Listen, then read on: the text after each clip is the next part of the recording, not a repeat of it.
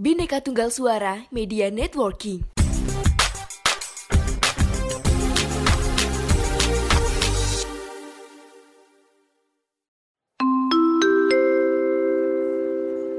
Mohon perhatian. Sekali lagi kami sampaikan, bikin podcast dengan Anchor dijamin gampang. Gak percaya? Langsung buktiin aja. Anchor, teman setia podcaster.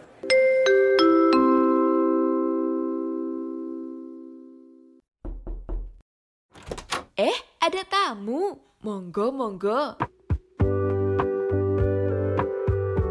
Selamat datang di ruang tamu Podcast Sejarah Indonesia. Ruangan untuk ngobrol dengan tamu-tamu spesial pastinya. Kamu mau ikut gabung? Yuk sini, ruang tamu Podcast Sejarah Indonesia. Bismillahirrahmanirrahim. Assalamualaikum warahmatullahi wabarakatuh.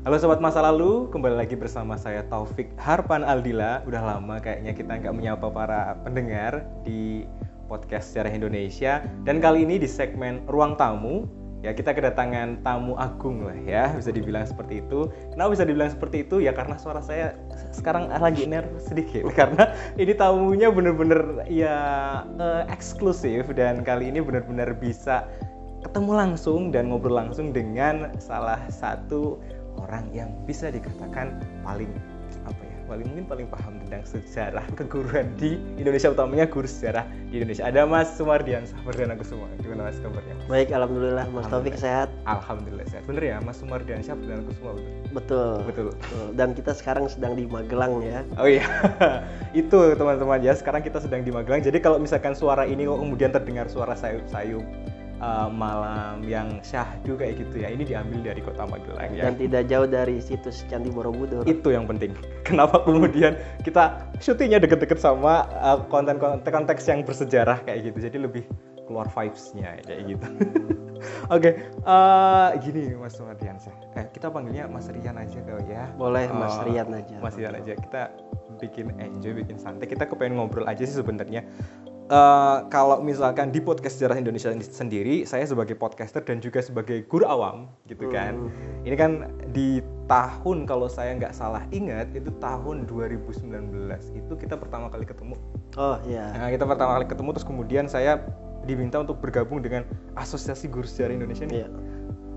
sebenarnya ketika itu muncul sebuah pertanyaan umum di benak saya yang kemudian masih awam dalam dunia pendidikan saya mau baru jadi guru gitu kan sebenarnya aksi ini apa bedanya sih sama sama MGMP itu itu itu itu pertanyaan pertama saya yang kemudian muncul gitu kalau Hmm. dari Mas Mas Rian tuh gimana sih nge ngeposisiin si aksi ini tuh gimana gitu Iya, eh, jadi Asosiasi Guru Sejarah itu merupakan sebuah organisasi profesi Mas Taufik Hmm.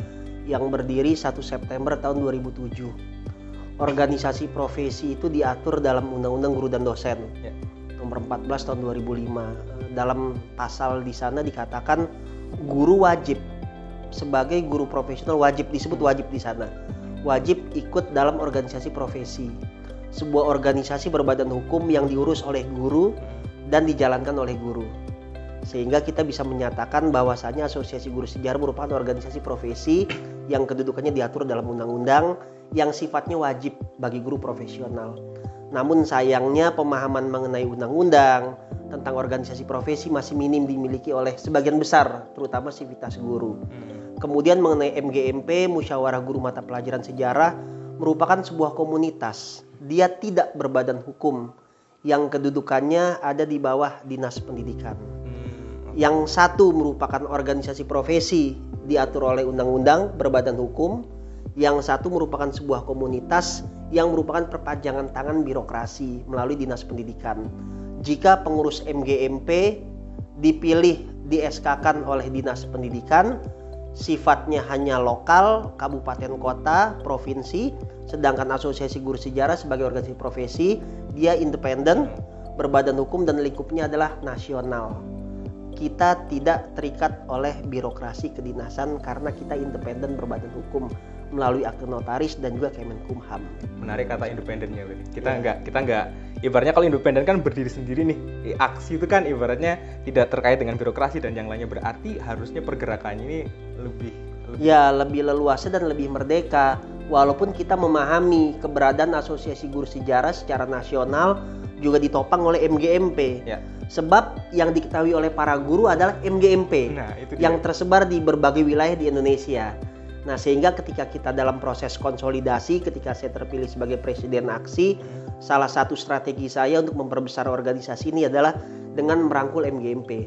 Maka tidak heran sebagian besar ketua Asosiasi Guru Sejarah di daerah, Daerah. provinsi dan kabupaten kota, mereka notabene-nya juga adalah para aktivis, para ketua MGMP di daerahnya masing-masing. Nah, itu Seperti itu. teman-teman. Saya sampai lupa dan grogi. Ini adalah Presiden Asosiasi Guru Sejarah Indonesia, Mas Mardiansyah loh. Ini jadi kalau misalkan aksi itu hampir mirip kayak ini ya kayak sebuah negara kayak punya presiden terus kemudian di bawahnya tuh kayak Ya, presiden itu bahasa dalam ADART. Sebetulnya sih presiden itu salah satu istilah. Di situ disebut eh, presiden garis miring ketua umum Ah. dalam ADART Asosiasi Guru Sejarah Indonesia. Tapi memang sepertinya orang ya, masyarakat publik lebih sering menyematkan saya dengan eh, istilah presiden. Ah. Dan itu sesuai dengan ketentuan ADART. Ah. Walaupun beban moral juga Mas Taufik. Karena yang disebut presiden itu seolah-olah punya kekuasaan yang tidak terbatas Nah, seolah-olah punya energi yang besar. Laksana sebuah negara bebannya sangat berat. Makanya beberapa momen saya juga mengatakan apakah tidak sebaiknya istilah presiden diganti menjadi ketua umum saja. Ah. Walaupun dua-duanya ada di dalam ADART tapi kok rasanya saya lebih nyaman, lebih tenang jika tidak menggunakan bahasa presiden. Tapi sepertinya eh, masyarakat eh, para guru sejarah lebih nyaman menyebutnya dengan presiden atau mas pres ya saya Mas dipanggil Pres gitu. nih kayak kayak anu kayak Mas Nadiem. Ya. Jadi cuma masih muda nih ya. Kalau misalkan ini yang yang yang ngedengerin lewat via suara mau mau deskrip mendeskripsikan kayak gimana Mas Mardiansyah tak, tak taruh fotonya buat jadi covering depan gitu. Dan pengertian negara itu karena memang kita punya struktur dari tingkat pusat sampai daerah dengan beberapa departemen di tiap eh, kepengurusan baik pusat ataupun daerah. Ah, menarik. Kalau misalkan aksi berarti sekarang di tiap kabupaten di seluruh provinsi Indonesia sudah ada atau akan ada? Ya, kita sudah punya perwakilan di 34 provinsi dan dua kabupaten kota. Hmm. Kabupaten kotanya itu adalah Semarang dan eh, Banjarnegara. Karena mengapa hanya dua sebagai prototipe. Hmm. Jadi memang kita merancang arahnya ke depan kita punya di 34 provinsi dan 514 kabupaten kota. Hmm. Jadi jumlah kabupaten kota kita di Indonesia ada 514 dan sangat banyak. Nah, sehingga kami mencoba mempelajari dari dua prototipe di Semarang dan di eh, Banjarnegara dan memang ada beberapa temuan juga salah satunya adalah eh, sumber daya manusia biasanya berputar di situ-situ aja. Orang itu itu aja. Orangnya itu itu aja. Jadi pengurus eh, di provinsi misalkan Jawa Tengah dia juga ada di Semarang juga ada di Banjarnegara. Hmm. Nah, jadi memang semakin ke bawah jumlahnya memang semakin sedikit dan notabene-nya orang itu itu juga. Nah, itu salah satu temuan, tapi memang arahnya ke depan untuk memfasilitasi para guru sejarah terutama dalam pengembangan karir, kompetensi, perlindungan, kesejahteraan dan sebagai sebuah organisasi profesional yang benar-benar eh, bersifat nasional maka mendirikan aksi selain di 34 provinsi juga wajib hukumnya kita punya perwakilan di 514 kabupaten kota. Itu arah ke depan memang kita akan memperluas sampai ke kabupaten kota yang lain. Ada 514 total seluruhnya. Oke, kalau bicara mengenai MGMP dan juga aksi nih, Hmm. kalau misalkan saya sendiri kan memang uh, guru di salah satu SMA di Kabupaten Semarang dan tergabung dalam MGMP juga. Uh, kalau kita bicara ngomongin masalah MGMP kan kita kayak komunitas nih, ketemu terus Iya. kemudian saling sharing tentang pembelajaran, terus arahnya juga kita kayak kepengen membuat uh, pembelajaran sejarah itu menarik dan yang Hmm. lainnya itu kan arahnya ke arah situ ya Mas. Istilahnya kayak kepengen memperbaiki bagaimana sih kemudian pembelajaran sejarah agar lebih baik dan yang lain. Nah, kalau di aksi sendiri apakah dia punya fungsi itu atau lebih dari itu gitu? Memperjuangkan apa sih gitu? betul. Yang tadi Mas Taufik jawab itu merupakan salah satu fungsi dalam pengembangan karir guru kompetensi profesionalisme. Secara tugas sama hanya memang ruang lingkupnya berbeda. Kami di Asosiasi Guru Sejarah itu sifatnya nasional. Kita punya sumber daya manusia yang melimpah lintas provinsi punya relasi dengan kementerian dan juga perguruan tinggi sehingga misalkan jika yang dibahas adalah tentang eh, menyusun kisi-kisi USBN Nah, secara teknis maka harusnya asosiasi guru sejarah bisa lebih luas daripada sekedar menyusun kisi-kisi tapi bagaimana misalkan mengkonstruk sebuah soal dengan pendekatan yang bersifat higher order thinking skill yang kemudian dikaji bersama-sama dengan melibatkan para pakar. Namun secara umum memang sama dari sisi pengembangan profesi, kompetensi ataupun karir. Hanya bedanya adalah kami di Asosiasi Guru Sejarah berani keluar dari sekedar pengembangan profesi, kompetensi atau karir. Apa? Advokasi. Ini menarik. Nah, Advokasi. contoh Gimana? ketika eh, guru sejarah diiklankan dalam sebuah ilustrasi yang buruk oleh Hago. Oh oke itu itu saya nonton tuh. Nonton Saya kan? Nonton Nah. itu. Itu kenapa bisa iklan Hago itu turun dari televisi? Karena kami dari Asosiasi Guru Sejarah menyatakan pernyataan sikap keberatan dengan ilustrasi guru sejarah seolah-olah hobi bermain game. Ya. Dalam konteks di ilustrasi iklan itu guru sejarah tersebut seperti disepelekan oleh salah seorang murid, membosankan, disepelekan sehingga bermain game. Nah, Dan alhamdulillah dari surat yang kita ajukan, Hago bikin permintaan maaf secara terbuka. Dokumennya semua ada. SMK ketika pemerintah menghilangkan posisi mata pelajaran sejarah Indonesia yang semula ada di kelas 10, 11, 12 SMK Iya. menjadi hanya di kelas 10 selama 3 jam melalui surat eh, keputusan Dirjen Dikdasmen yang melanggar Permendikbud kami suarakan.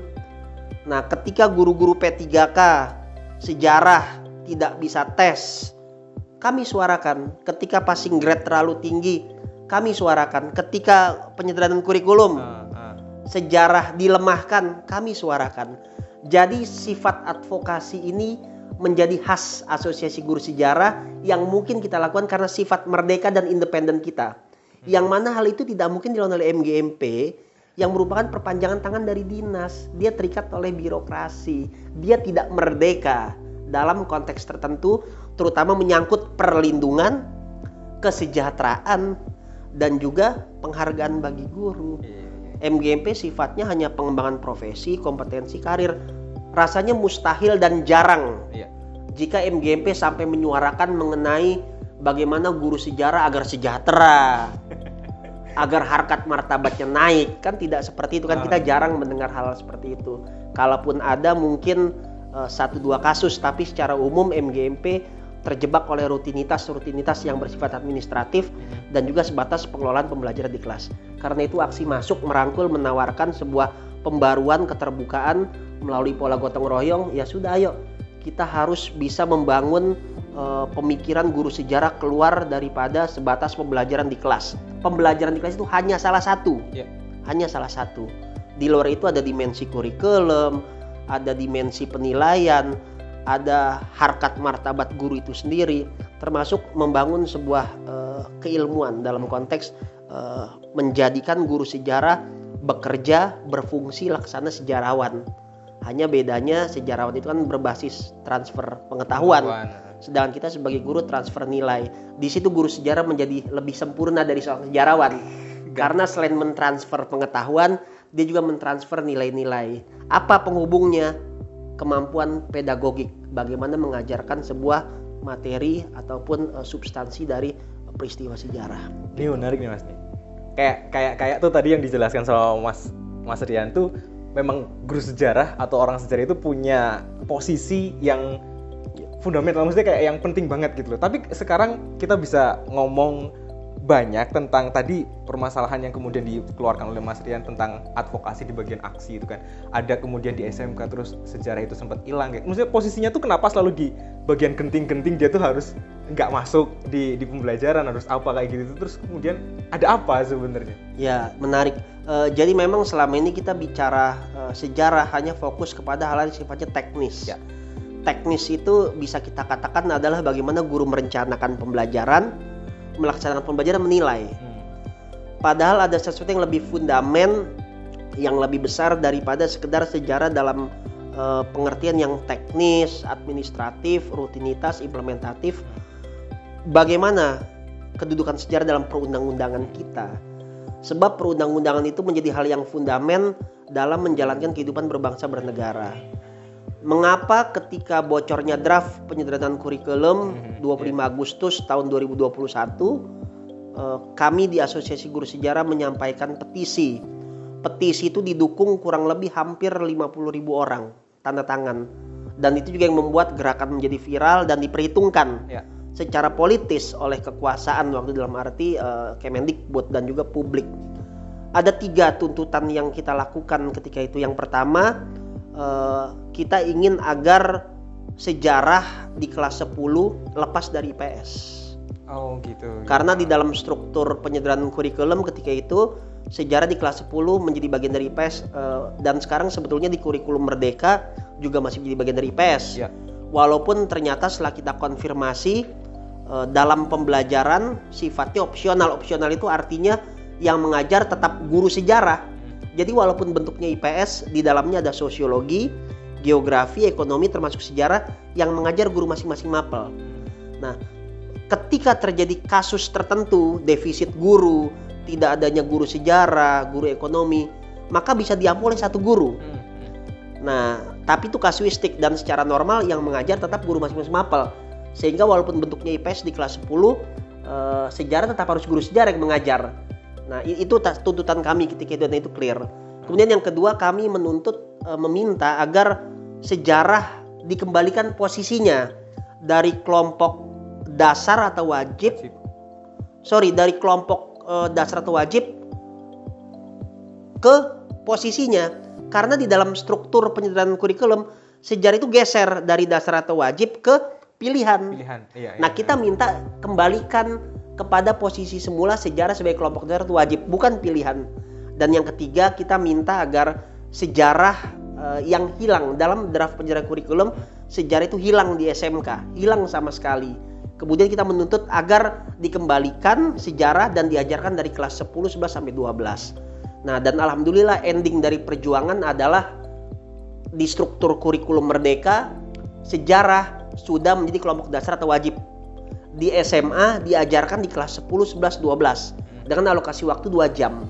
Di SMK sejarah yang semula hilang sama sekali, hilang sama sekali diajarkan di kelas 10 dan di kelas 11.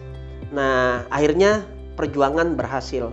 Kemudian tadi pertanyaan Mas Taufik, apa masalahnya? Kenapa sejarah pada momen-momen tertentu selalu hilang muncul, hilang muncul ramai? Ternyata struktur kurikulum itu tidak cukup. Belakangan kita memahami, kita menemukan sebuah eh, pandangan ternyata memang frase sejarah Iya. itu tidak ada dalam undang-undang. Dalam konteks ketika kita bicara pendidikan adalah Undang-Undang Sistem Pendidikan Nasional nomor 20 tahun 2003. Di sana ada yang namanya muatan kurikulum. Dan sejarah tidak masuk sebagai muatan wajib kurikulum. Sejarah nggak masuk. Tidak masuk. Yang masuk muatan wajib itu adalah agama dan budi pekerti atau Ah. agama. Kemudian PPKN, sekarang ada lagi Pancasila, Ah. bahasa Indonesia matematika. Posisi sejarah itu terintegrasi dalam IPS. Nah, ini yang menjadi masalah. Mengingat dalil-dalil kebangsaan, sejarah sebagai pembentukan karakter bangsa, kemudian sejarah sebagai alat pemersatu bangsa. Makanya kita mengusulkan agar sejarah itu disebut frasenya yang kita usulkan Ah. sejarah Indonesia dalam muatan wajib di revisi Undang-Undang Sistem Pendidikan Nasional. Yang kita minta itu direvisi karena memang sekarang sedang ada rencana untuk mengubah uh, Undang-Undang Sistem Pendidikan Nasional menjadi Undang-Undang Sistem Pendidikan Nasional yang baru dengan sifat omnibus law. Jadi di di ke depan ya Undang-Undang Sistem Pendidikan Nasional yang baru sifatnya omnibus law, dia akan menyatukan antara Undang-Undang Guru dan Dosen dan Undang-Undang Sistem Pendidikan Nasional itu sendiri. Jadi Iya. semua terintegrasi di dalam satu pintu. Yang implikasinya karena sejarah tidak ada dalam perundang-undangan sebagai muatan wajib, maka wajar ketika muncul peraturan pemerintah nomor 57 yang kemudian direvisi menjadi peraturan pemerintah nomor 4 tentang standar nasional pendidikan, lagi-lagi sejarah tidak ada dalam standar nasional pendidikan sebagai muatan wajib. Sehingga wajar ketika itu Ah. pemerintah menafsirkan karena sejarah tidak bersifat wajib di bagian dari IPS, ya sejarah masuk ke pilihan. Iya benar. Nah, kalau kita berhasil memasukkan frase sejarah dalam revisi Undang-Undang Sistem Pendidikan Nasional sebagai muatan wajib, maka nanti turunannya juga akan menjadi wajib. Apa turunannya? Standar nasional pendidikan. Apa turunan standar nasional?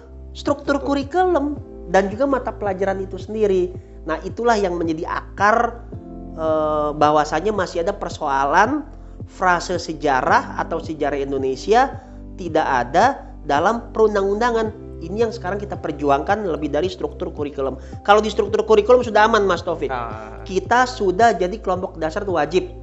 Tapi kalau kita tidak benahi hukumnya, nanti ganti kebijakan orang bisa saja Jadi- mengombang-ambingkan sejarah dan sejarah kan berulang. Iya. Posisinya bisa geser, geser ke pilihan, geser nanti ke peminatan. Padahal yang paling fundamen adalah karena sejarah bersifat ideologis, dia mempersatukan kita, dia juga memiliki nilai-nilai karakter kebangsaan, maka posisinya wajib setara dengan bahasa Indonesia, setara dengan PPKN, setara dengan Pancasila dan agama. Dan harus diingat, nanti silakan cek dokumen sejarah. Sumpah Pemuda atau yang disebut Kerapatan Pemuda-Pemudi tahun 1927 dan 1928 tanggalnya kan 27 dan 28 Oktober 1928 kita mengenal tiga ikrar itu. Bertanah air Indonesia berbangsa Indonesia berbahasa Indonesia. Banyak orang tidak memahami. Tiga tadi yang disebut ikrar sumpah pemuda itu disebut sebagai asas. Yang mana asas ini kemudian dibangun dari lima dasar. Jadi sebetulnya kalau melacak dokumen primer ah. hasil Kongres Pemuda tahun 28 itu selain tiga ikrar tadi yang disebut asas itu ada lima dasar dasar pemersatu bangsa. Yang pertama sejarah, yang kedua kemauan, yang ketiga hukum adat, yang keempat itu adalah eh, pendidikan dan kepanduan, yang kelima itu adalah berbahasa Indonesia. Itu disebut sejarah sebagai asas malah utama gitu ya. Jadi- sejarah itu utama dan itu dipidatokan oleh Mr. Muhammad Yamin ketika terjadinya Kongres Pemuda. Seperti jadi saya pikir eh, sejarah itu memang benar-benar fundamen. Jadi kalau kita bicara persatuan kebangsaan ketika peristiwa 28 eh, sesungguhnya sejarah juga ikut dalam rangkaian itu. Hanya tadi itulah literasi kita tentang sejarah minim sehingga kita hanya terpaku kepada tanah air Indonesia, bangsa Indonesia, bahasa Indonesia. Kita lupa kalau ada dasar yang mempersatukan tiga tadi yaitu lima, lima, lima dasar tadi yang salah satunya adalah sejarah. Ini sebenarnya ada apa sih? Maksudnya kan hilang timbulnya pembelajaran sejarah yang kemudian ada di perundang-undangan, terus kemudian ada di sistem uh, pembelajaran nasional dan yang lain seperti Hmm. itu kan sering sering lagi naik turun naik turun seperti itu. Apakah pertanyaan saya ini pertanyaan bodoh ya? Mas? Apakah memang uh, agak agak sedikit pedes? Apakah memang orang-orang di sana itu memang udah nggak berpikir bahwa ini loh sejarah sejarah kita itu penting untuk di, di- dijaga untuk diapa kayak Iya. gitu. Jadi itu Jadi ketika posisi sejarah dilemahkan, orang beberapa itu mengaitkan dengan sentimen politik ya, ya, ya. kepada penguasa. Dibilang penguasa anti sejarah mau menghapus memori satu bangsa dan sebagainya. Sentimen politik. Lalu yang lain mengaitkan dengan teori konspirasi. ini Tapi pengalaman saya berjuang berinteraksi dengan eh, elit-elit politik dengan pemerintahan, kesimpulannya sederhana sebenarnya kenapa terjadi hal-hal yang sifatnya kadang merugikan kita Ya. sebagai seorang masyarakat sejarah dari sisi kebijakan. Mereka tidak ada niat jahat, Mas Taufik. Saya berani pastikan Ya. tidak ada niat jahat dari Ah. elit-elit yang ada di atas itu. Tapi yang menjadi masalah adalah memang didapatkan sebuah fakta mereka tidak memahami sejarah mereka nggak jahat tapi mereka tidak memahami sejarah, mereka tidak mengerti sejarah. Karena tidak paham, tidak mengerti, maka kebijakan yang muncul itu tanpa disadari Uh-huh. itu sebetulnya eh, merugikan kita sebagai sivitas sejarah dan juga merugikan bangsa ini. Bisa dibayangkan ketika generasi muda mengalami amnesia sejarah. Dia tidak tahu dari mana dia berasal, sekarang ada di mana, ke depan mau ke mana. Pak Sartono menyatakan orang yang tidak mengerti sejarah laksana orang yang pikun. Mm-mm. Dia lupa identitas dirinya atau seperti orang gila yang tidak tahu tentang dirinya. Nah, itulah yang disebut sebagai amnesia sejarah sebetulnya. itu disebut dengan amnesia sejarah Amnesia jadi sejarah. teman-teman kalau misalkan kalian emang benar-benar masih peduli ya ya cobalah ya mengingat mengingat-ingat tentang sejarah pertanyaannya sebenarnya simpel sesimpel uh, anak-anak zaman sekarang dan orang-orang zaman sekarang kayak ngapain sih apa sih pentingnya belajar sejarah kalau dulu ini kalau Mas Rian kan juga dulu berangkat memang dari sivitas akademik kayak ngajar Iya. dan yang lainnya kalau dari pandangannya Mas Rian terus kemudian sampai di posisi sekarang Mas Rian jadi pres aksi kayak gitu tuh di mana sih sebenarnya. Kayak pentingnya apa sih gitu Secara sederhana, ini secara sederhana ya. tidak ada orang yang bisa lepas atau bahkan lari dari sejarah.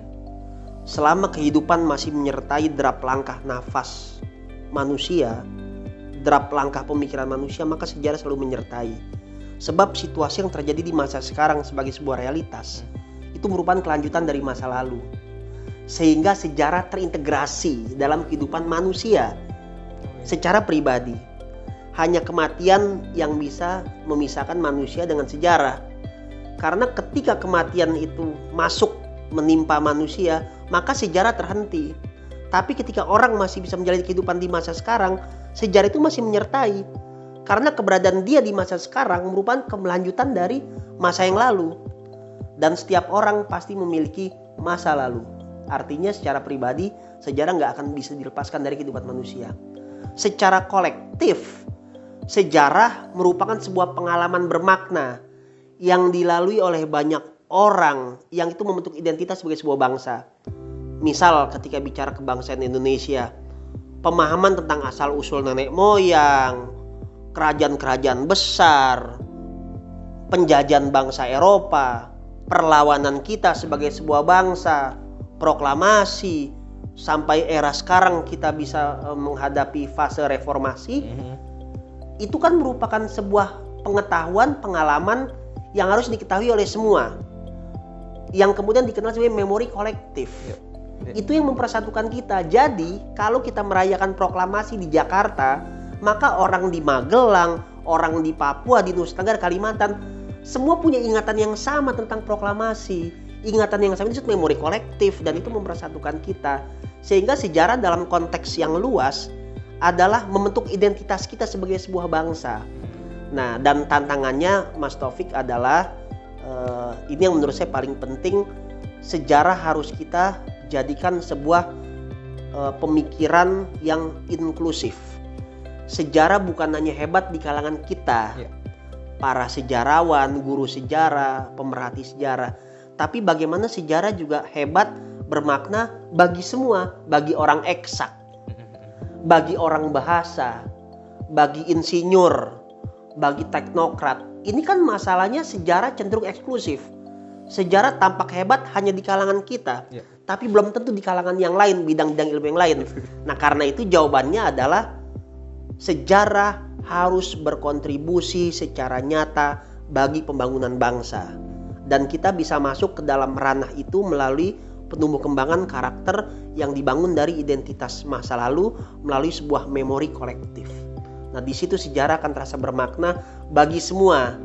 Karena yang namanya kebangsaan bukan hanya milik orang sejarah, tapi dokter juga harus tahu dia sebagai bangsa Indonesia. Insinyur harus tahu dia sebagai orang Indonesia selama dia masih tinggal hidup di bumi Indonesia, di negara Indonesia dan mengaku bahwasanya diri adalah bangsa Indonesia. Pada titik itu sejarah menjadi sebuah keharusan.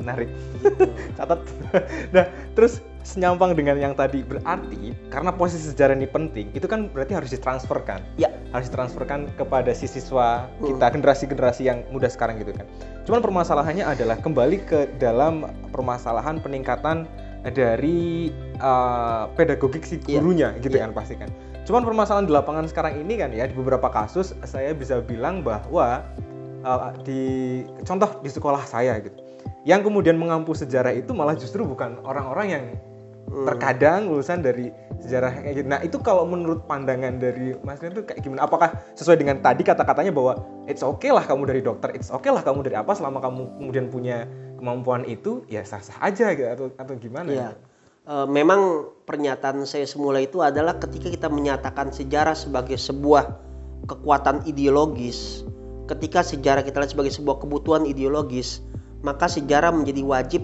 menjadi keharusan bagi semua, segenap warga negara Indonesia. Namun ketika kita berbicara bagaimana eh, ketika sejarah terimplementasi dalam pembelajaran di orang kelas, yang itu melibatkan guru sejarah sebagai komponen utamanya. Nah, maka nanti pertanyaannya membutuhkan jawaban yang berbeda. Karena kita sekarang bukan bicara soal ideologi lagi dalam kehidupan bernegara, tapi bagaimana konsep pedagogiknya. Iya. Bagaimana cara mengajarkan sejarah yang menarik dan menyenangkan kan arahnya ke sana Mas Taufik. Nah, sehingga eh, kalau saya boleh menyatakan kebutuhan kita sekarang sebagai guru termasuk guru sejarah bisa dirangkai melalui sebuah kata yang disebut sebagai pedagogical content teknologi knowledge. Art pedagogical content teknologi knowledge. Bagaimana seorang guru punya kemampuan di bidang ilmunya? Seorang guru sejarah harus tahu berbagai macam bentuk narasi sejarah, pengetahuan sejarah dari A sampai Z, baik di- diakronik ataupun sinkronik secara mendalam, komprehensif dengan berbagai referensi yang menopang pengetahuan sejarah dia. Itu dari sisi ilmu. Apakah cukup? Tidak cukup. Orang yang pintar sejarah, tahu tentang sejarah, tidak cukup menjadi guru. Dibutuhkan yang tadi, pedagogikal, kemampuan mengajarkan ilmu yang dia miliki kepada orang lain. Strategi mengajarkan itu disebut pedagogik. Keterampilan metode, keterampilan model, membuat media pembelajaran, pedagogik. Apakah cukup punya pengetahuan tentang sejarah bisa mengajarkan? Belum cukup. Pandemi mengajarkan kita perlu ada satu instrumen yang menjadi perantara kita dalam melakukan proses pembelajaran apa itu teknologi. Ya. Nah, teknologi inilah yang sepertinya eh, masih belum benar-benar dipahami dan dikuasai secara utuh. Tapi saya punya keyakinan secara positif dampak pandemi mengajarkan kita tentang sebuah perubahan bahwasanya pemanfaatan teknologi adalah sebuah keniscayaan. Asosiasi Guru Sejarah banyak membuat webinar Ya. dengan eh, moda Zoom dan saya pikir itu juga merupakan sebuah lompatan eh, dan itu ada rekam jejaknya kita salah satu komunitas salah satu organisasi yang cukup aktif Iya, membuat iya, iya. webinar ketika orang masih asing dengan webinar kita sudah webinar di 34 provinsi 34 provinsi, pakai ya. akun Zoom Premium live streaming YouTube menurut saya itu sebuah lompatan di mana guru sejarah secara tidak langsung familiar Ya. dengan Zoom menjadi host, raise hand kan begitu kan? Dan juga membuka YouTube, like, subscribe sampai sekarang hampir 5000 Mas Oh, Taufik. 5.000 ya. Uh, uh, pendukung kita di YouTube dan sebagainya. Jadi kita nggak kolonial kolonial banget. Kita nggak ketinggalan zaman banget Ya, ya, walaupun itu itu salah satu pencapaian lah menurut saya yang bisa diukur ya. Jadi bagaimana guru itu harus punya kemampuan tentang ilmu sejarah, kemudian tentang mengajarkan sejarah dan juga mampu menggunakan teknologi-teknologi sebagai perantara terutama di masa pandemi agar eh, pembelajaran bisa tetap berlangsung dalam kondisi jarak jauh dan tentu agar menyenangkan. Rasanya kalau hanya cerita tentang Borobudur tapi kita tidak bisa menyusun sebuah konstruk eh, Borobudur misalkan melalui video, infografis atau melalui aplikasi-aplikasi eh, saya pikir juga akan kurang menarik. Ditambah generasi yang kita hadapi adalah generasi yang dekat dengan teknologi yang dari lahir sudah eh, biasa menggunakan teknologi. Jadi ada karakteristik generasi di mana pemanfaatan teknologi oleh guru sejarah adalah sebuah keniscayaan. Dan itu tentu arahnya adalah memperkuat eh, substansi kualitas dari pembelajaran sejarah itu sendiri. Termasuk podcast yang kita buat.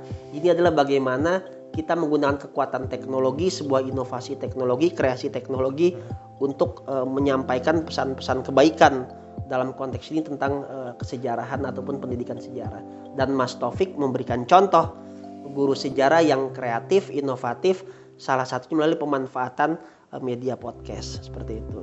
Oke, potong ya guys. Itu jadi anu Ini untuk jadi inspirasi dan motivasi Inspirasi sebetulnya dan motivasi. lain. Nah, menariknya adalah sebelumnya kita pernah berbicara ya Mas Rian tentang tadi masih perihal tentang guru itu.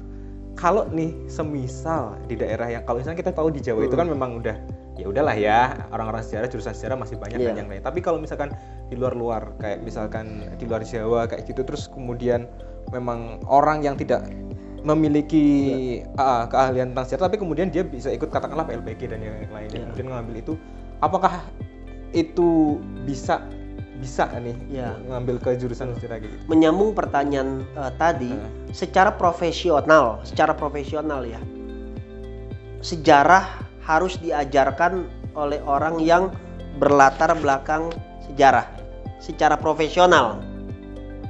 Tapi secara eh, empirik, kita bisa saja menemukan kasus tertentu nah orang yang tidak berlatar belakang sejarah tapi punya kemampuan menyajikan sejarah secara menarik bahkan melebihi dari sejarawan ataupun guru, sejarah, itu sendiri Nah, itu termasuk dalam melakukan penelitian ataupun tulisan sejarah sedikit informasi eh, Kemendikbud ya eh, melalui Dirjen Kebudayaan membuat yang namanya sertifikasi penulisan sejarah Hmm.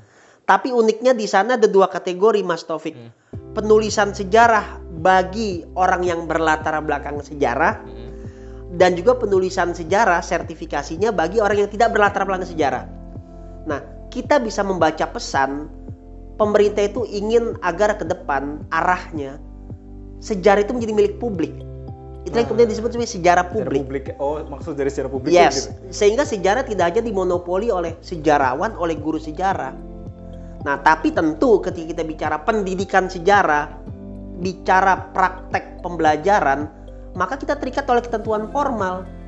Undang-undang guru dan dosen masih menyatakan profesionalisme guru salah satunya diukur oleh disiplin ilmu guru tersebut linier dengan bidang yang dia ampu.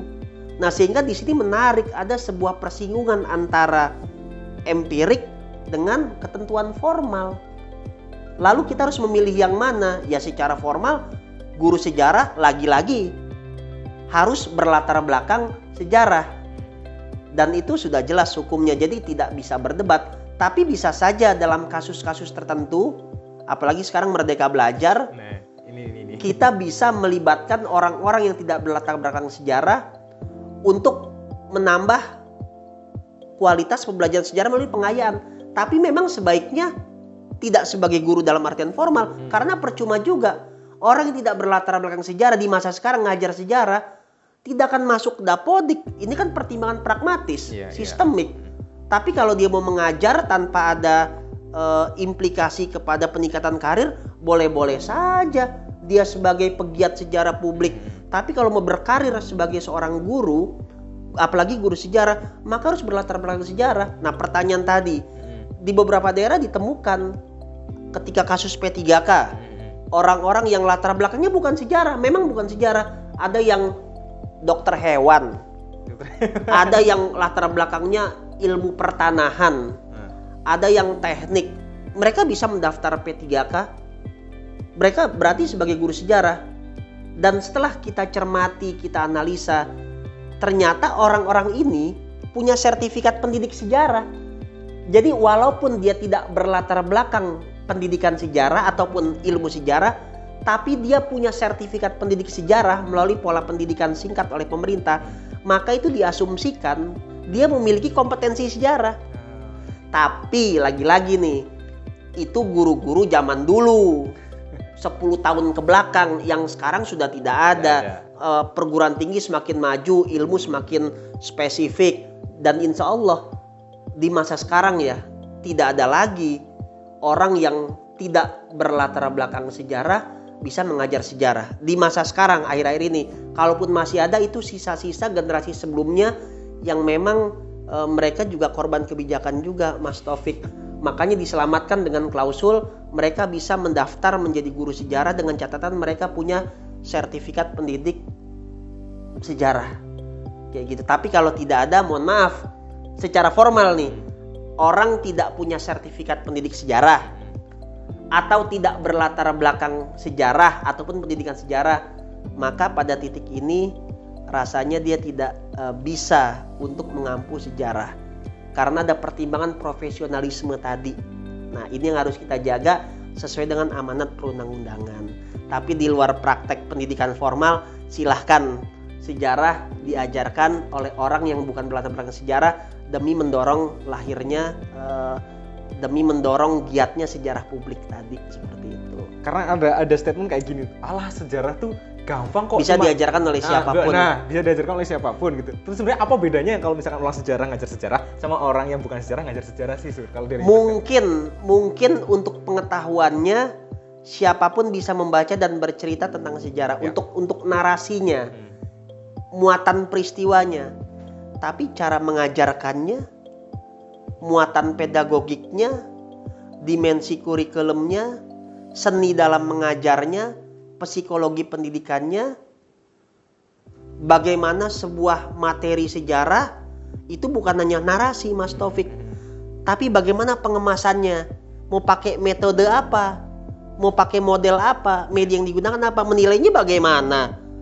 Nah, di situlah yang tidak semua orang mengerti. Perlu ada ilmu khusus. Ilmu khususnya adalah pendidikan sejarah. Bahkan seorang sejarawan pun dia tidak memiliki pengetahuan keterampilan dari sisi perencanaan, pembelajaran, penilaian. Dia hanya sebatas narasi, substansi, isi. Iya, iya, iya. Nah, dan juga keterampilan mengolah sebuah nilai dalam sebuah peristiwa untuk menjadi sebuah teladan bagi anak didik agar bisa mengubah karakter. Itu kan juga tidak sembarangan, membangkitkan imajinasi, Iya, iya. menghadirkan jiwa zaman, pendekatan kontekstual, diskusi, kan itu nggak mudah, Mas Taufik. jadi, eh, jadi saya membantah bahwasanya sejarah itu bisa diajarkan oleh siapa pun. Gampang kok. gitu. Sejarah bisa diceritakan oleh siapa pun, tapi tidak bisa diajarkan oleh sembarang orang. Diceritakan boleh, tapi tidak cara mengajarkannya. Mengajarkannya perlu keterampilan dan keterampilan itu secara profesional dimiliki oleh guru sejarah. Quote of the day. Semua orang bisa bikin nasi goreng gitu. Tapi yang bisa yang ahli banget kalau misalkan kita wah ini nih kayaknya yang chef chef nasi goreng nih barusan kayak gitu. Um, saya saya agak masuk Kalau cerita kan hanya menceritakan aja berkisah, tapi mengajarkan kan Ah. dia multidimensional. Ada metode, ada model, ada media, ada nilai, ada penilaian, ada pengkondisian, ada interaksi. Jadi lebih kompleks daripada sekedar menceritakan. Oke. Ya gitu. Eh teman-teman kita ngulik sedikit tentang ini beliau ini kan adalah salah satu orang yang yang yang deket dengan ring satu nih ya. kita coba nih nanya mengenai katanya nih Hmm. di Merdeka Bela kurikulum Merdeka Belajar ini kemudian kok sejarah katanya di bagian peminatannya katanya hilang atau ada beberapa yang kemudian dihilangkan. Ini ini gimana mas? Jadi gini eh, ceritanya Mas Taufik. Eh, Mas Taufik bertanya ke orang yang tepat Iya. karena saya pelaku sejarah ya. Nah ini dia. Eh, jadi perlu dipahami memang saya itu adalah tim pengembang kurikulum nasional. Sejarahnya dulu pertama kali ikut ketika revisi kurikulum 2013. 2017. Jadi sebetulnya KIKD silabus itu saya terlibat menyusun dengan Prof Hamid dan beberapa kawan. Sampai kemudian ketika terjadi penyederhanaan kurikulum, saya masih diberikan kepercayaan buat mengembangkan eh, kurikulum pendidikan sejarah atau kurikulum sejarah. Nah di situlah eh, terjadi sebuah pergolakan. Artinya saya mau menegaskan walaupun posisi saya ikut di dalam tim, tapi bukan berarti saya menghamba pada kekuasaan teman-teman di Kemendikbud paham bahkan ketika terjadi pandemi kami rapat di Zoom semuanya direkam Eh, di sana saya selalu menyampaikan pandangan kritis konstruktif.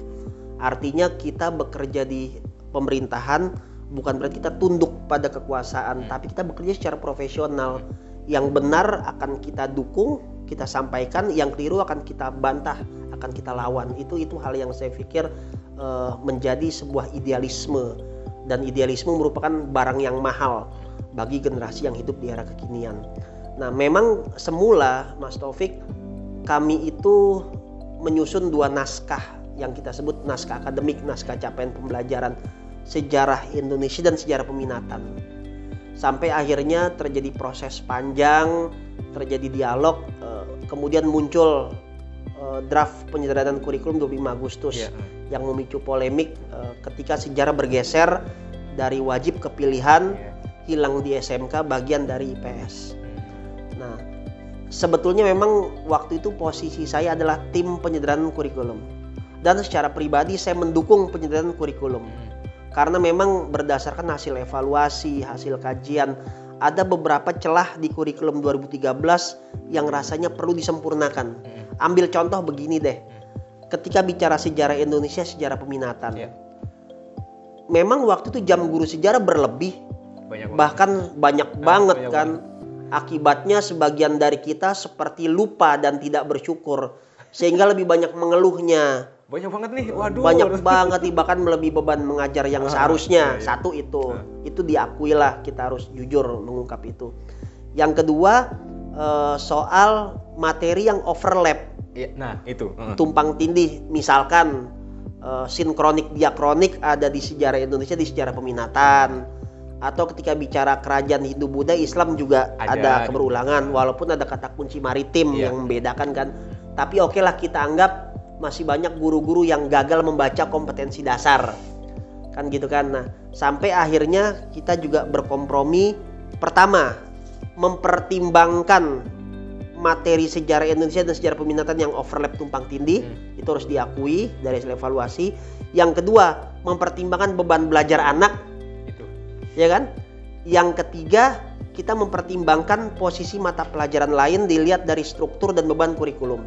Sehingga akhirnya waktu itu setelah kita berjuang eh, menteri memberikan opsi. Waktu itu ketika kita berjuang opsinya apa? Sejarah hanya bisa diakomodir satu. Mau sejarah sebagai pilihan Mm-mm. 4 jam apa sejarah sebagai kelompok dasar wajib 2 jam. Saya konsultasi dengan beberapa tokoh dengan beberapa pakar waktu itu kita tidak bisa memaksakan sejarah peminatan tetap ada. Iya. karena beban struktur kurikulum polanya waktu itu adalah kelompok dasar kelompok pilihan kemudian eh, muatan vokasi. Oh iya, mau- namanya vokasi dalam kurikulum merdeka. Akhirnya eh, para tokoh itu menyatakan Pak Sumardiansa Mas Rian pilih sejarah sebagai kelompok dasar wajib. Yang kemudian saya tulis dalam Kompas kita memilih sejarah sebagai kelompok dasar wajib lebih karena persoalan dalil-dalil kebangsaan. Bukan persoalan jumlah jam. Bukan persoalan sertifikasi bukan. Tapi persoalan dalil-dalil kebangsaan. Artinya sejarah kita kaitkan dengan kepentingan ideologi kita sebagai sebuah bangsa. Dan itu yang memang kuat yang tidak bisa dibantah. Sejarah sebagai kekuatan ideologi. Persoalan dalil-dalil kebangsaan itu yang yang membuat posisi tak kuat. Nah sehingga akhirnya waktu itu menteri menyampaikan ya sudah eh, tuntutan guru sejarah silakan diakomodir kembalikan sejarah sebagai kelompok dasar atau wajib tapi namanya bukan sejarah Indonesia katanya Namanya. sejarah kata menteri sejarah Menteri aja. minta di nomenklatur namanya sejarah eh, supaya di dalamnya juga ada pengetahuan tentang sejarah dunia. Sehingga sejarah ada Heeh. peminatan hilang. Nah, kemudian muncul eh, catatan-catatan dari publik di media Iya, sosial, iya. kekhawatiran. Yep. Pertama kekhawatirannya adalah gimana jumlah jam mengajar guru? Itu. Tentu kaitan sertifikasi kan. Betul. Banyak bingung. Bingung. Kurang. Padahal kita sudah sampaikan persoalan tunjangan profesi itu tidak pernah disuarakan oleh asosiasi guru karena kami juga jaga marwah kita. Ini bukan persoalan perut, ini persoalan dalil kebangsaan, ideologi, masa depan bangsa. Kan kita sampaikan itu. Dan yang bermasalah dengan perubahan struktur kurikulum terhadap pemenuhan jam mengajar, sertifikasi, itu bukan hanya sejarah, mata pelajaran lain juga sama. Nah, sehingga arahnya adalah saya secara pribadi lebih suka kita berpikir secara sistemik dan global, secara makro apa itu? Kita mendorong, kita menyuarakan untuk semua mata pelajaran bahwasanya jangan sampai perubahan struktur kurikulum berimbas kepada pemenuhan beban mengajar Ya. yang itu berakibat hilangnya tunjangan profesi. Akhirnya kita akan menyuarakan secara keseluruhan demi perubahan sistemik, bukan hanya untuk sejarah. Nah, itu satu. Jadi persoalan tunjangan profesi kita menyuarakan kepada pemerintah untuk semua, bukan hanya untuk sejarah. Karena implikasi dari perubahan struktur kurikulum adalah eh, perubahan jumlah jam mengajar. Dan menteri sudah menyatakan terakhir melalui konferensi persnya ya di di peluncuran kurikulum merdeka Ya, ya. walaupun kita juga masih tunggu regulasinya realisasi dari janji dia bahwasanya guru tidak perlu khawatir perubahan struktur kurikulum berakibat terhadap beban mengajar dan tunjangan profesi. Ya. Secara politik menteri sudah menjamin, tapi secara formal kita masih nunggu eh, terbitnya regulasi-regulasi yang memperkuat pernyataan menteri. Berarti secara JP emang berkurang nih ya. Eh, berkurang karena kan tadinya sejarah itu dipelajari di kelompok dasar atau wajib dua jam, kemudian di peminatan 3 jam di kelas 10, 4 jam kelas 11, 4 jam di kelas 12. Hmm. Tentu terjadi penurunan signifikan. Ah. Nah, dan soal jam eh, tunjangan profesi ini sebenarnya berimbas kepada semua. Karena itu kita menyuarakan kepada semua. Iya. Nah, satu itu. Kedua, yang menarik saya lebih suka bicara substansi. Ya. Ada yang menyatakan hilangnya sejarah peminatan membuat wawasan tentang dunia itu nggak muncul. Terus nanti gimana belajar sejarah dunia dan sebagainya? Gitu gimana? Orang itu berarti belum membaca capaian pembelajaran sejarah di kurikulum merdeka. Dia belum membaca konsep wajah sejarah pada kurikulum merdeka. Yang itu kebetulan saya menyusun Mas Taufik eh, secara pribadi. Saya akan bocorkan sedikit eh, wajah Perhatikan nih. sejarah pada kurikulum merdeka. Oke. Namanya sejarah. Diberikan dua jam Ah. di kelas 10, 11, 12. Walaupun di kelas 10 dia bagian dari IPS tapi yang mengajarkan tetap sejarah. SMK juga sama. SMK sampai kelas 11. Kelas 11. Ada beberapa hal yang menarik yang menjadi perhatian eh, kenapa wajah sejarah itu begitu penting di kurikulum merdeka. Yang pertama, basis pembelajarannya adalah skill. Skill. Skill. Kalimat-kalimat seperti kesadaran sejarah, berpikir sejarah, keterampilan konsep, penelitian sejarah, Ya. dan juga keterampilan praksis. Keterampilan praksis itu keterampilan menggunakan ragam media pembelajaran Eh, sebagai sebuah skill itu ada di dalam capaian pembelajaran sejarah. Ini luar biasa. Kalimat kesadaran sejarah, berpikir sejarah selama ini tidak muncul secara nyata dalam desain kurikulum. Sekarang muncul. Nanti silakan dibaca eh, capaian pembelajaran. Saya hanya akan bocorkan beberapa poin. Nah, yang kedua, di sana dijelaskan bahwasanya yang namanya pelajaran sejarah itu terdiri dari materi sejarah Indonesia yang disusun secara kronologi. Walaupun dia disusun secara kronologi, tapi capaian pembelajaran itu mengarahkan agar yang namanya muatan sejarah dunia dan muatan sejarah lokal bisa terintegrasi dalam lintasan sejarah Indonesia. Makanya kalau dilihat susunan materi eh, sejarah di kurikulum merdeka itu dari mulai asal usul nenek moyang, ah, ah, jalur rempah, betul. sampai eh, kehidupan bangsa Indonesia pada era reformasi dan era kontemporer. Sekarang kontemporer ya. ah. Eh, kontemporer kita ambilnya. Nah, lalu muncul pertanyaan di mana materi perang dunia, di mana revolusi besar dunia, di mana peristiwa mutakhir dunia. Semua itu terintegrasi di dalam lintasan sejarah Indonesia. Tidak perlu jadi mata pelajaran sendiri berupa peminat Nggak sejarah perlu dunia. sendiri- perlu sendiri Nggak ya. perlu materi sendiri. Materi yang wajib diajarkan ya materi Indonesia.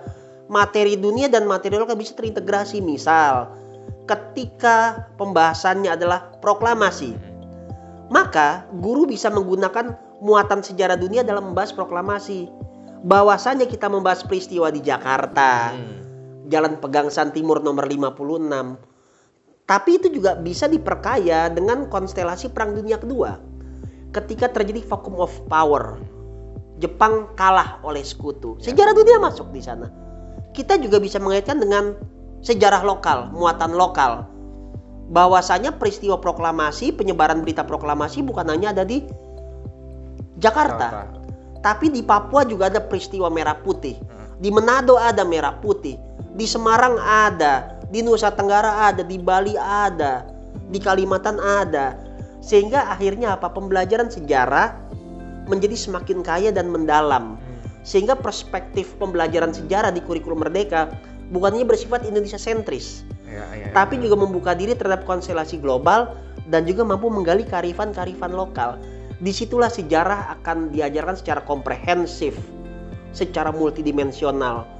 Untuk multidimensional bahkan dikatakan dalam CP, pembelajaran sejarah tidak hanya bisa diajarkan, bukan hanya diajarkan dalam perspektif politik, militer, perang. Tapi kita bisa mengangkat yang namanya muatan mitigasi, lingkungan hidup, fashion, kuliner, feminis, kemudian yang namanya maritim, agraris. Nah, bahkan pandemi pun bisa kita angkat di sana Iya, wabah. iya. Perang di Ponorogo, orang hanya fokus bicara perang Jawa. Tapi dia tidak membaca bukunya Peter Carey tentang kuasa ramalan Ah. pernah terjadi wabah di Pulau Jawa. Nah, wabah ini kan juga salah satu muatan dalam sejarah. Atau ketika kita membaca sebuah lukisan yang itu menggambarkan eh, Patih Danurejo Ya, itu ya. digampar oleh Pangeran Diponegoro oleh Slop. Itu kan muatan anti korupsi. Kita bisa masuk ke dalam materi Diponegoro perang Jawa tidak melulu dari militer, Ah. tapi dari muatan korupsi. Ketika Diponegoro menampar Patih Danurejo IV dengan slopnya karena dia sewenang-wenang kepada rakyatnya mengambil upeti atau mengambil tadi dari wabah Apa? yang terjadi di Jawa yang berakibat kelaparan sehingga rakyat merasa butuh sosok penyelamat yang itu melahirkan eh, milenaris Nah. apa Mesiah yang kemudian di Ponorogo masuk sebagai Halifatul tanah Jawi kan Penyelamat. pemimpin penyelamat di tanah Jawi itu saya pikir menarik Eh, cuman permasalahannya ada ketika kita ngomongin memang sih ketika saya ngobrol sama siswa ataupun ketika setelah pembelajaran kan kita biasanya refleksi gitu. Nah, Ya. refleksi saya kemudian saya uh, arahkan kepada kayak ya sudah mereka ngasih ngasih masukan terhadap pembelajaran itu kayak seperti apa. Jadi refleksinya kayak ya udah kita diskusi aja biasanya seperti itu. Terus ketika saya tanya gimana kalau pem- pembelajaran sejarah dan ulangannya dan yang lainnya mereka bilang ah mumet pak kok mikir negoro kayak mikirin negara banget kayak iya. gitu karena kan dari buku-buku sejarah itu memang kadang lebih banyak menariknya dari sisi pol tadi politik terus Iya. kemudian dari kemiliteran perang dan yang lainnya kayak gitu nah kalau menurut mas sendiri yang kemudian juga menyusun kurikulum nanti apakah itu berpengaruh terhadap penulisannya lagi nih. Karena biasanya ganti kurikulum kan ganti Iya. uh, buku biasanya kayak gitu kan. Nah gimana caranya menyisipkan hal-hal tersebut? Apakah itu ada hubungannya dengan yang ngajar sejarah? Ya harus orang sejarah makanya Iya, kemudian itu tadi maksud- memang begini Mas Taufik, kurikulum itu secara formal hanya menyiapkan kerangka. Hmm, Apalagi dengan spirit merdeka belajar yang diusung kurikulum merdeka, hmm, yang dimasukkan dalam capaian pembelajaran yang saya susun itu sifatnya sangat generik. Yang penerjemahannya secara spesifik oleh guru. Hmm. Misal di dalam eh, pengorganisasian materi saya hanya menuliskan secara umum asal usul teknik moyang dan pembentukan jalur rempah. Itu kan umum. Lalu sub materinya bagaimana? Iya. Itu kan guru. Nah, Apakah guru mau masuk tentang eh, asal usul dan jalur rempah dari bumbu dapur? nah. Apakah mau masuknya dari persebaran migrasi manusia praksara? Terserah. Nah, inilah kendalanya kemerdekaan, keluasan materi pada titik tertentu justru malah menjadi bumerang karena tidak semua guru kreatif. Tidak semua guru punya kemampuan membaca yang baik sehingga menerjemahkannya nggak mampu. Nah, sedangkan di sisi lain ketika kurikulum dibuat sedemikian rigid seperti kurikulum 2013, Ya. Kreativitas kreativitas guru malah terbelenggu. Jadi ini sebuah tantangan dalam merdeka belajar. Tidak semua guru mampu menerjemahkan sesuatu yang sifatnya makro, luas, generik ke dalam hal yang spesifik dan merdeka Ya. oleh guru. Itu satu, Mas Taufik. Yang kedua, memang tantangannya adalah eh, sulit mencari penulis buku sejarah yang punya wawasan dan juga kemampuan menulis yang baik sehingga kemampuan tulisannya itu bisa membuat kita yang membaca seperti berselancar Nah. dalam ruang imajinasi masa lalu. Dengan berbagai pendekatan kemudian dengan berbagai literatur dengan berbagai model Eh, tantangannya di situ. Karena itu sebetulnya untuk menutup celah itu eh, saya juga sedang dalam proses mencoba Mas Taufik menulis buku teks yang mungkin nanti eh, harapannya bisa memperkaya eh, referensi buku teks. Karena tadi pikiran-pikiran yang saya bangun selama ini harus saya buktikan oleh sebuah karya. Hmm. dan salah satu buku teks kita harus menjadi problem solver bukan problem maker. Kita harus turun tangan Nah. daripada sekedar urun angan. Kan begitu? Iya kita harus turun tangan daripada urun angan. Dan, dan itu yang sedang dikerjakan sekarang. Dan memang tantangannya tadi. Nah yang ketiga pada hakikatnya mengajar itu bukan buku Mas Taufik. Nah. Buku itu hanya salah satu sumber belajar. Kalau di kurikulum 2013 ada sebuah fakta ketika kurikulumnya berubah, KIKD-nya direvisi, bukunya belum berubah. Guru terpaku pada buku akibatnya apa? Nggak nyambung. Karena mengajar melihat kompetensi dasar. Iya, iya, iya. Pengorganisasian materi bisa lihat dari internet, dari modul, koran, bahkan guru bisa mengkonstruk materi secara mandiri. Termasuk di kurikulum merdeka Mas Taufik. Nah, nah. Jadi paradigmanya mengajar bukan dari buku, tapi dari capaian pembelajaran tadi. Oh, oke berarti si siswa atau kita boleh ngambil dari mana pun asal Boleh, karena buku salah satu sumber belajar. Bahkan ketika kita merasa buku itu kering narasi, kering imajinasi, tidak luas mendalam, di situlah guru harus mengintervensi dengan pengetahuan dia, dengan intelektualitas dia, dengan justifikasi profesional dia, dia harus mengembangkan materi itu sehingga menjadi bermakna, termasuk menyusun buku teks ataupun sumber belajar secara mandiri. Nah, kemampuan turun tangan ini yang rasanya masih minim. Orang rata-rata hanya urun tangan atau berpangku tangan. Nah, kita ingin ada gerakan turun tangan tadi. Guru harus bertindak nyata menjadi problem solver, bukan problem maker kan Nah, begitu. harus turun tangan, gak cuma urun angan ya. itu, itu itu menarik. Nah, sedikit lagi ke bagian yang yang tentang tadi harusnya sejarah itu ya kan deket banget dengan fashion, deket banget dengan kemudian yang pembahasan mengenai ekologi, deket banget dengan sekedar kayak kuliner kayak gitu Iya. kemudian membicarakan tentang sejarah seperti itu karena memang eh di zaman di era yang sekarang itu seperti tadi kembali lagi ketika saya curhat sama siswa saya dia bilang kayak duh pak kok saya nggak mudeng apalagi kemudian peristiwa-peristiwa yang yang besar itu selalu diulang. Misalnya kayak peristiwa besar mengenai pertempuran. Peristiwanya kemudian besar. Ataupun kemudian orang-orang besar yang kemudian Iya, iya. sering dimunculkan gitu. Sedangkan mereka tuh kayak pak ini tuh siapa? gitu. Nah saya pernah mendapat kuliah dari salah satu dosen saya bahwa ajarkanlah sejarah dari sisi terdekatnya. Iya. nah kalau menurut pandangan dari Mas Fes itu seperti apa? Di, dari sisi pembelajaran tersebut gitu. Apakah boleh misalkan kita tuh uh, mengajarkan sejarah itu yang kayak ayo di desa kita dulu ada apa baru kemudian membangun konstruk ke nasionalnya gitu Betul. Memang ada beberapa hal yang masih menjadi eh, diskursus ya. Yang pertama, kita sebetulnya mendorong agar eh, mata pelajaran sejarah itu diajarkan dari mulai SD, Mas Hmm. Taufik. Lepas dari IPS. Mas Teri. Kalau kita baca bukunya Pak Kunto, sejarah itu penting bagi anak SD agar dia kenal dengan keluarganya, Hmm. agar dia kenal dengan lingkungan terdekatnya, agar dia kenal dengan dirinya. Dan tentu pendekatannya adalah nilai karakter. Ketika SMP eh, dia bisa mulai eh, membahas yang namanya sejarah sosial. Kalau yang SD keluarga karakter nilai, ketika di SMP dia bisa eh, kepada masyarakat lingkup lokalnya, sejarah lokal dengan pendekatan-pendekatan geografi di dalamnya, dengan ekonomi di dalamnya, dan di SMA sampai kepada pendekatan kritis. Nah, it- itu arahnya. Kemudian memang pola kurikulum kita itu sejauh ini adalah spiral, Mas Taufik. Ada keberulangan. berulangan Sebetulnya secara konsep spiral itu bagus, Mas Taufik. Misalkan ketika di SMP kita belajar kehidupan praksara, Ah, SMA praksara kan. iya Harusnya SMP itu lebih mendalam, Mas Taufik. Harusnya. Jadi kalau di SMP dibahas tentang Pithecanthropus, Meganthropus, Paleolitikum, Mesolitikum, Neolitikum, harusnya di SMA itu berbeda pendekatannya. SMA sudah bahas misalkan tentang teori asal usul manusia praksara secara genetika. Ah, Dia harus mulai mengkaji peradaban manusia praksara dari sisi lukisan-lukisan di goa misalkan. Nah, tapi ini tidak terjadi.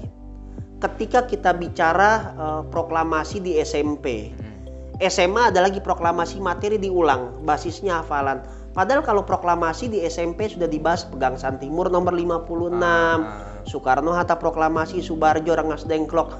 Maka di SMA dia harus lebih mendalam, harus critical thinking misalkan dengan mempertanyakan apakah benar kelompok pemuda ketika proklamasi itu benar-benar solid. Ah, Di mana peran orang-orang kiri? Di mana Tan Malaka? hmm. Itu kan saya pikir hal yang menarik. Iya. Lalu apa dampak eh, proklamasi bagi konstelasi global? Bagaimana pengakuan dunia terhadap proklamasi kita yang ketika itu eh, dianggap ilegal Iya. karena memproklamirkan diri eh, di dalam kondisi vacuum of power di mana seharusnya kita jatuh tangan sekutu. Nah, harusnya seperti itu yang muncul. Jadi kurikulum yang berbentuk spiral di mana semakin tinggi jenjang berulang tapi semakin mendalam itu tidak terjadi. Yang ada pengulangan sama persis sehingga sejarah membosankan. Nah, karena itu yang kita dorong adalah ke depan jika memungkinkan kita ingin agar sejarah itu bersifat tematik atau sejarah bersifat rekonstruksi. Rekonstruksi itu sejarah berjalan terus sampai ke depan. Misalkan ketika SD belajar sejarah keluarga, sejarah pahlawan nasional. Ya. SMP kelas 7 itu bicara tentang asal usul nenek moyang. Hmm. Terus berjalan SMA, misalkan lanjutan dari asal moyang, SMA ketemu di proklamasi. Iya. Maka proklamasi terus sampai kepada peristiwa mutakhir di Indonesia. Sehingga sejarah itu jalan terus seperti anak naik tangga, dia tidak berulang. Nah, ke depan kita mendorong perubahan kurikulum seperti itu. Dan ini memang butuh kekuatan politik, kita butuh kekuasaan, kita butuh kajian akademik yang kuat buat memperjuangkan eh, niat dan juga pandangan-pandangan yang kita usung. Jadi butuh kekuatan politik, butuh kekuatan akademik.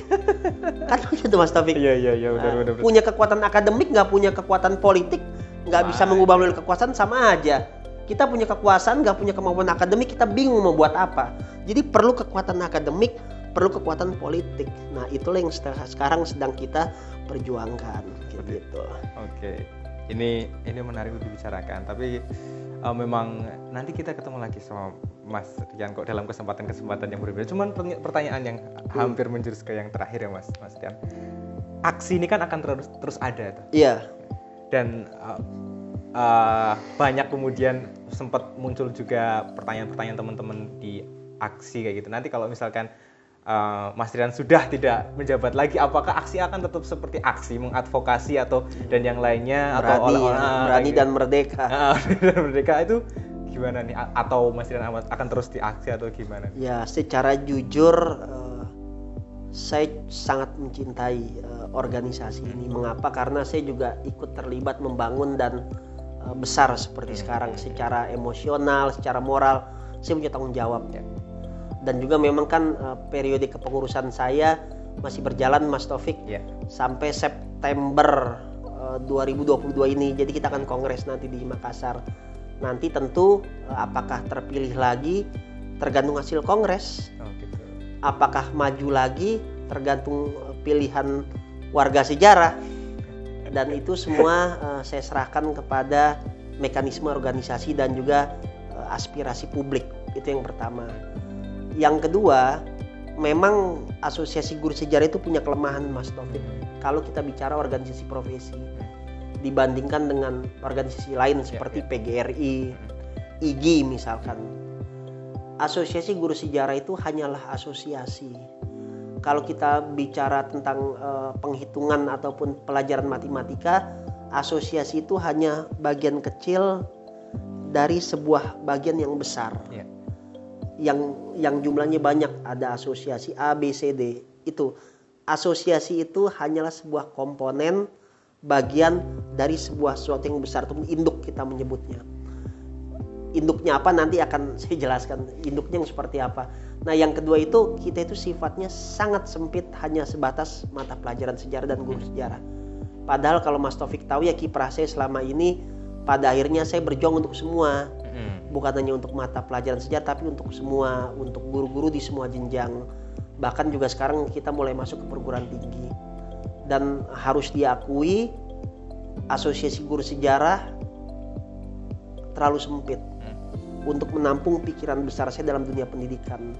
Dan memang ada keterbatasan di dalamnya. Sehingga memang arahnya ke depan eh, memang harus ada jalan tengah.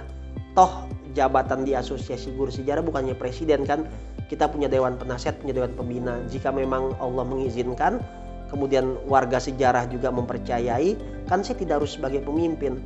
Saya bisa tetap ada mendampingi dalam posisi yang berbeda. Itu itu kan harapannya.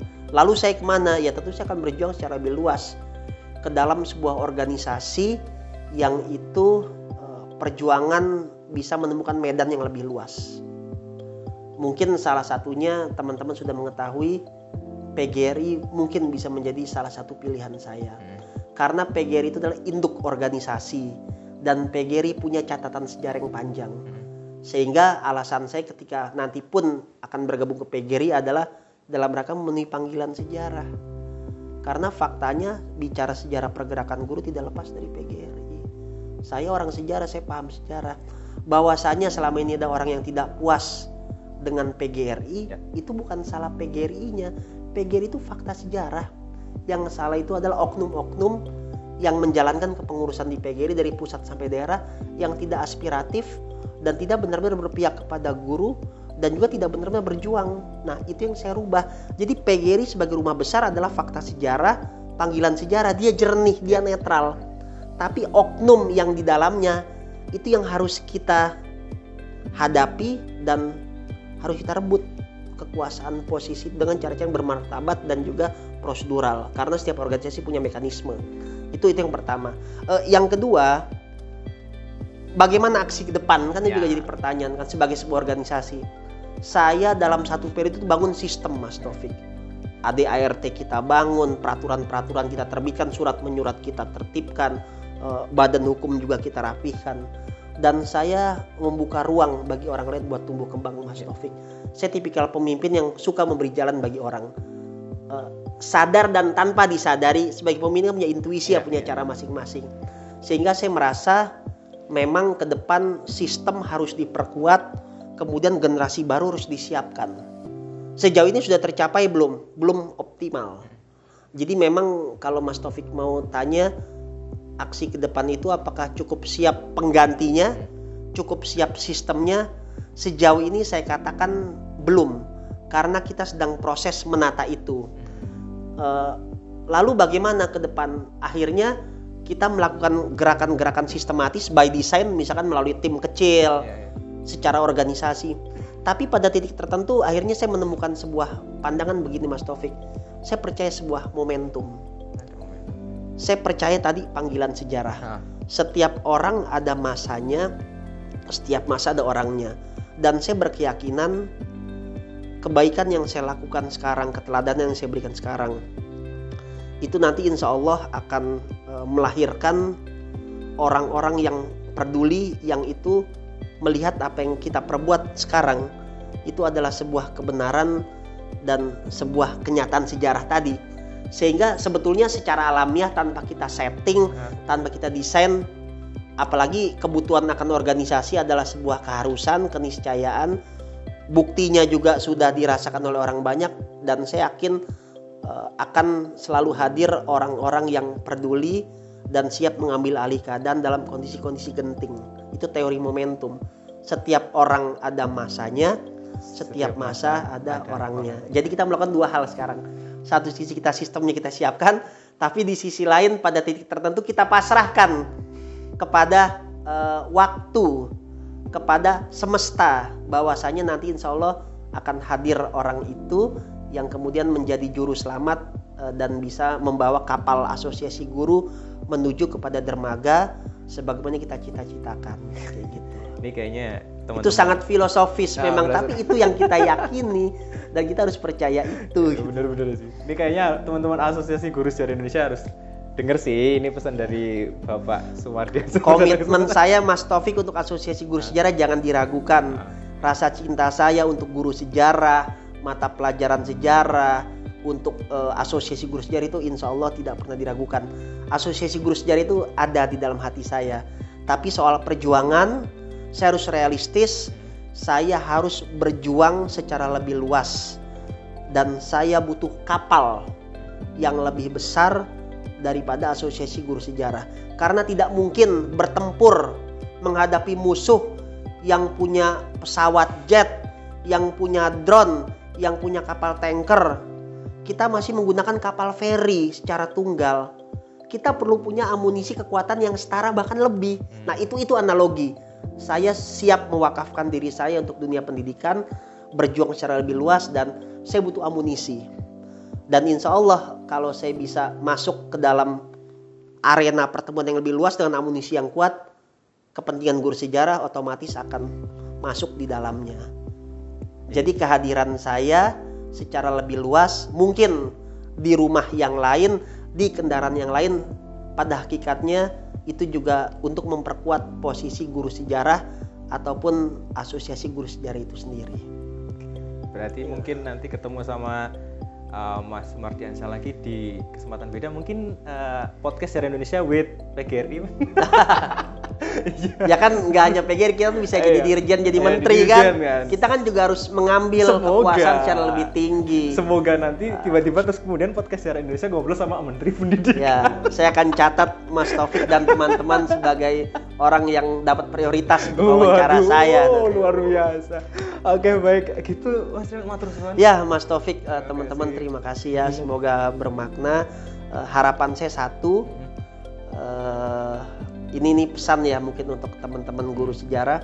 Yang pertama harus memperkuat literasi wajib membaca wajib menulis wajib berdiskusi. Jadi guru sejarah tuh nggak akan lepas dari literasi dari bacaan dari tulisan dari diskusi itu satu.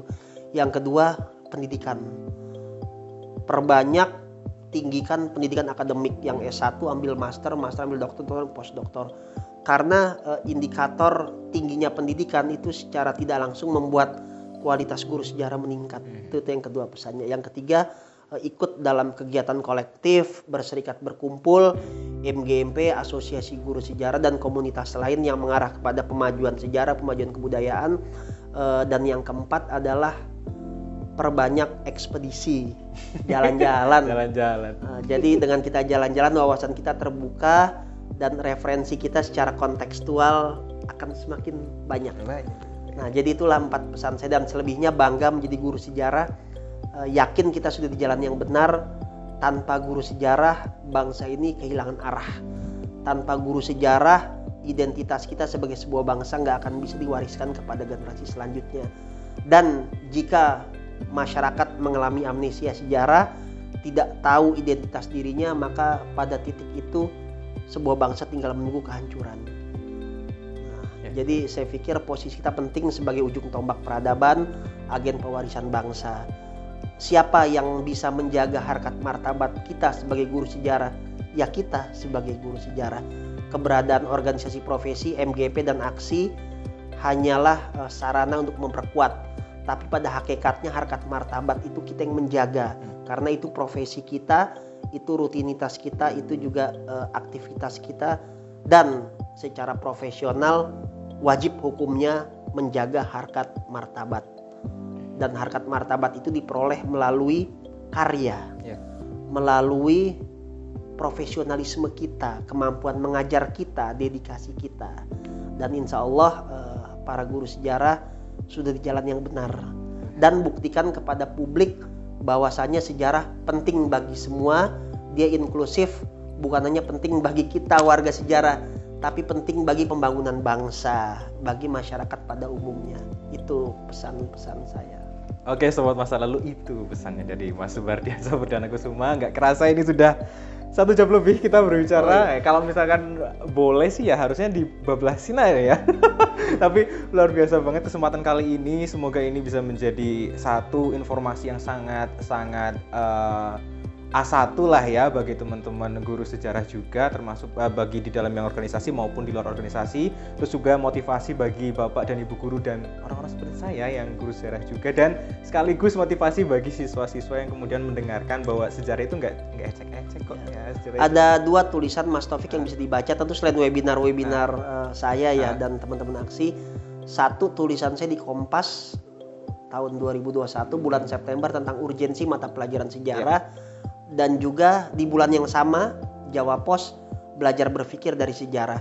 Eh, sebab apa yang saya tuliskan itu adalah perpanjangan pikiran saya dan semoga teman-teman bisa membaca karena tulisan itu dibuat dari hati yang dalam di masa-masa berjuang ketika kita menuntut agar sejarah dikembalikan dari kelompok pilihan ke wajib kembalikan hilang di SMK kemudian menjadi ada dan lepas dari IPS. Jadi tulisan itu sebenarnya menggambarkan suasana kebatinan dan memiliki jiwa zaman ya jet age yang sangat kuat dengan perjuangan kita pada masa itu. Dan Mas Taufik salah satu sumber sejarah. Sejarah bukan hanya milik orang besar tapi yang menyusun flyer juga bagian dari sejarah. Jadi bukan hanya saya yang pidato tapi orang di belakang saya juga penting. Itulah sejarah milik publik ya. Oh itu. udah, ya memang saya salah satu bagian dari aksi.